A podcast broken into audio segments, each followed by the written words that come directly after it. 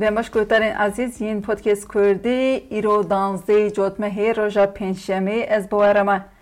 Hevalê min Mehmet Salî Bedirxan îro ne bi me re ye, ez ê nûçeyên rojevê bi we re pêşkeş bikim.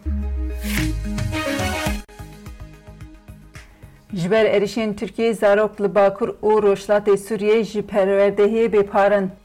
Di encama êrîşên dawîn ên dewleta Tirk ên bi ser Bakur û Rojhilatê Sûriyê de perwerdeyî li çil heşt dibistanan sekinî û heysit çil pênceh heşt xwendekar jî perwerdeyî bê par man. Di encama êrîşên dawîn ên bi ser herêmên Bakur û Rojhilatê Sûriyê de bi taybetî li aliyên li ser sînor ê Rojavayê Kurdistanê xeterî li ser zarok û dibistanên pir zêde bûye. Dewleta Tirk herêmên li ser sînor Ên Rojavayê Kurdistanê bê ser û ber didan ber bombeyan. Lewra li dibistanên li herêmên li ser sînor ên herêma Cizirê, Felat, Minbicê û Şehbayê Desteya Perwerdeyî û Hindekarî ya Bakur û Rojhilatê Sûriyê biryar li ser sekinandina perwerdeyî da. Hevseroka Desteya Perwerdê û Hindekariya ya Bakur û Rojhilatê Sûriyê Hecî Elî derheqê sekinandina perwêr de li herêmên li ser sînor got ku ji bo ewlehiya xwendekaran wan perwerde li dibistanan daye sekinandin û ji ber dewleta Tirk bi hovîtî êrîş birin ser Rojavayê Kurdistanê û Bakur û Rojhilatê Sûriyê ji mecbûrî perwerdeyî li hîn dibistanan sekinandine. Heyva Sor a Kurdistanê ji bo Rojava banga alîkariyê kir. Heyva Sor a Kurdistanê ragihand ku dewleta Tirk êrîş dibe ser binesaziya mirovahî ya Bakur û Rojhilatê Sûriyê. Lê ma bûye sedema karaseteke mirovahî û ji bona alîkariyê bi gelên herêmê re bang kir. Daxuyaniya Heyva Sor a Kurdistanê wiha ye, Ji çarê cotmeha du hezar bîst û sî yan ve Tirkiye binesaziya sivîlan a li Rojava bombebaran dike Û herember bi felaketeke mirovahî ve diçe. Tirkiye heta niha zêdetirî sed pênce armanc bombebaran kirine.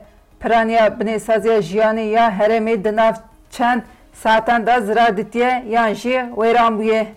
Di êrişên Tirkiyeyê de heta niha bi dehan sivîl bûne qurbanî û birîndar bûne û ji sedî heştê jêrxana sivîlan wêran bûne. Av û enerjî, nexweşxane, cihên niştecihbûnê, dibistan, zeviyên petrolê, kargeh û embarên hatin bombe kirin. Bi sed hezaran kes bi rojan ji elektrîk û avê bêpar mane. Jineke din li Serêkaniyê hat qetilkirin. Li Serêkaniyê ya di bin daxilkeriya dewlet de tirk deye jineke din a ciwan hat qetilkirin.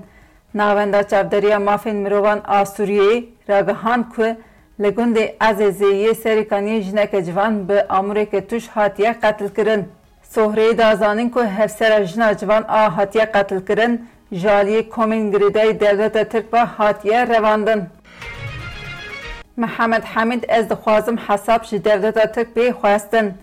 Dewleta Tirk di sala du hezar û nozdeh de di çarçoveya êrîşên xwe yên li dijî Serêkaniyê û Girê Spiyê de bi çeka qedexekirî fosfora spî êrîşî Serêkaniyê kiribû. Di encama vê êrîşê de zarokî bi navê Mihemed Hamîd Panzdeh bi giranî birîndar bûbû û laşê wî bi tevayî şevîtî bû. Piştî çar salan hê jê êşa Hamîd zindiyê û qêrînên wî yên dema birîndariya wî ji bîra wî û mirovan naçin. Hamîdî ku piştî dagirkirina Serêkanî bi malbata xwe re li wargeha koçberên Serêkanî ya Hesekê bi cih bû û hê jî li wir jiyana xwe didomîne, beriya sê rojan ji aliyê rojnamegerikê Tirk Erem Şentürk li ser hesabê xwe yê Twitterî mexdûrê êrîşa Tirkiyeyê Hamdî weke zarokeke Filistînî yê mexdûrê êrîşên Îsraîlî nîşan da. Li ser vê pertekên ku ji ye re hatin nîşandan Şentürk parvekirina xwe jê bir. Hamîd û bavê xwe Hamîd Mihemed tekîldarê sûcê li dijî wan hatiye kirin ji ajansa nûçeyên a Hawerê Anhay re axivîn da zanîn ku Hamîd derbarê sûcê hatiye kirin de serî li Netoyên Yekbûyî daye. Rojava Bakurê Kurdistanê, Beşdaş Şaxa Zeytûnê dirêjî Filistînê dikin lê li Kurdan bombeyan dibarînin. Serokwekîla Koma Partiya Çepên Kesk Meral Daniş Beştaş, tekîldarê êrîşên dewleta Tirk ên li dijî Bakur û Rojhilatê Sûriyeyê li meclisê daxuyanî da. Serokwekîla Koma Partiya Çepên Kesk Meral Daniş Beştaş bal kişand ser êrîşên li dijî Bakur û Rojhilatê Sûriyeyê wiha got, Hûn şaxê zeytûnê dirêjî Filîstînê dikin lê bombeyan li ser Kurdan dibarînin. Li Amedê êrîşên li ser Rojava hatin protestokirin. Rêxistinên sivîl û partiyên siyasî li Amedê êrîşên li ser Rojavayê Kurdistanê şermezar kirin. Piştî çalakiya yekî cotmehê ya li dijî Midûriyeta Giştî ya Emniyetê ya di nava qada Wezareta Karên Hundir a li Enqerê, dewleta Tirk li dijî Bakur û Rojhilatê Sûriyê êrîş dabûn destpêkirin û ev êrîş hê jî berdevam in. Di encama êrişan de gelek sivîlan jiyana xwe ji dest dan. Êrişên dewleta Tirk li gelek bajaran hatin protestokirin. Meyaka Partiya Çepên Kesk li Enqerê civiya. Lijneya Rêveberiya Navendî ya Partiyên Çepên Kesk bi rojevên kongre û pewejiya siyasî li Enqerê civiya. Lijneya Rêveberiya Navendî ya Partiya Çepên Kesk li Navenda Giştî ya Partiya Demokratîk a Gelan Civiya, Hevberdevkên Partiya Çepên Kesk Çiydem Kiliçgun û Çar û Îbrahîm Akan serokatiya civînê kirin. Hat zanîn ku di civînê de kongreyek ku di panzdeh cotmehê de li Eyvana Suparo ya Atatürk'ê ya Enqereyê were lidarxistin û pêvajoya siyasî bê nirxandin. Di doza Goçîzdêrê de mitala bê amadekirin. Danişîna çaremîn a doza derbarê bîst sê kesên negirtî tên darizandin de ku endam û rêveberên Komeleya Şopandina Goçê jî di nav de hatiye vekirin li Kampûsa Girtîgiya Silîvrî ya Marmarê hate lidarxistin. Parêzer û du endam û rêveberên tên darizandin beşdarî danişînê bûn. Ji bilî parêzerên endamê Komeleya Hiqûqnasên ji bo Azadiyê gelek hiqûqnas jî beşdarî danişînê bûn. Li gundê Banayê bîst nehro jin çûna nav zeviyan û baxçeyan qedexe ye. Di çar dê îlonê de pênc herêmên navçeya Basa ya Şirnexê ji aliyê walêtiyê Şirnexê ve ji bo dema panzdeh rojan hatibû qedexekirin. Di nav deverên qedexekirî de gundê Banayê bi ser navçeya Basayê jî heye. Gundê Bana jî du mehan bêtir e di bin dorpeça leşkêrê de ye. Bi dorbeçkirinê rê û çûyîna gundiyan a nav baxçe û zeviyên birincê jî hatiye qedexekirin. Her wiha ciyên ku pezî gundiyan lê diçêrin jî hatine qedexekirin. Guhdarên Ezîz em derbasî Rojavaya Başûrê Kurdistanê dibin. Wezîrê Karên Nexweyî yê Herêma Kurdistanê Rêber Ehmed got, Hikûmeta Iraqê ji bo Kurdên Êzidî yên ku li kampên Herêma Kurdistanê dijîn Berpirsyariyên xwe nayêne cî. Foruma Enstîtuya Lêkolinan ya Rojhilata Navîn li Hewlêrê bi rêve çû. Rêber Ahmed beşdarî panela bi navê Rêkeftina Şengalê paşveçûn û asteng bû. Rêber Ahmed bal kişand ser rewşa Şengalê û got, Gelek sozên ku hatibûn dayîn nehatin girtin, heta niha jî sê sed hezar Kurdên Ezîdî li kampên Herêma Kurdistanê dijîn.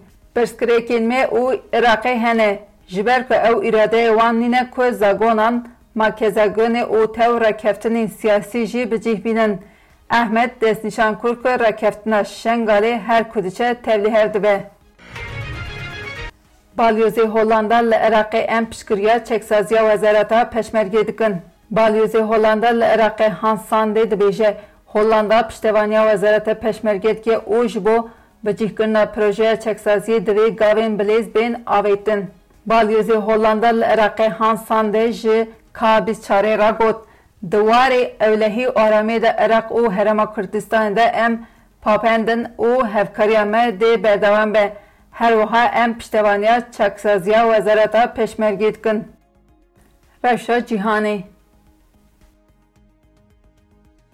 Şerê di navbera Îsraîl û Filîstînê her diçe gurtir dibe. Amarên herî davî yên kuştiyên şerê Hamas û Îsraîlin hatin eşkerekirin.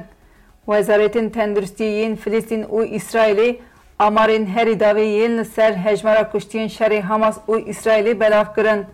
Li gorî amaran heta niha ji her du aliyan du sed hezar û çar sed kes hatine kuştin ku piraniya wan jî sivîl in. Wezareta Tenduristiyê ya Filistînê ragihand ku heta niha herî kêm hezar û sed Filistînî hatine kuştin, pênc hezar û sê sed û çil kes jî birîndar bûne. Li gorî daxuyaniya wezaretê di nav kuştiyan şeş sed û sê mêr, sed heftê yek jin, sê sed û bîst û şeş jî zarok hene. Her wiha ji birîndaran jî sê hezar sê sed heftê heşt mêr, heft sed çil û çar jin û hezar û du sed hêjdeh jî zarok in. Wezareta Tendirsiyê ya Îsraîl jî amarên herî dawî belav kirin û got, Heta niha hezar û sê sed Îsraîlî hatine kuştin û sê hezar û sed nod du kes jî birîndar bûne ku birînên sê sed şêst çar kesan jî giran û pênc sed heftê du kesan jî sivik in. Çekdarên Hamesê heftê vê mehê êrişeke bejahî hewayî û dervahî li dijî Îsraîlê ya bi navê Tofana Eqsayê da destpêkirin. Îsraîlî jî wê demê ve li dijî Xezayê dest bi êrişeke dijber kir. Heta niha ji ber ku aliyan zêdetirû du hezar kesî hatine kuştin û bi hezaran kes jî birîndar bûne. Guhdarên ezîz em hatin dawiya bernama xwe heta bernameke din bimînin bi xêrî xweşiyê de dem baş.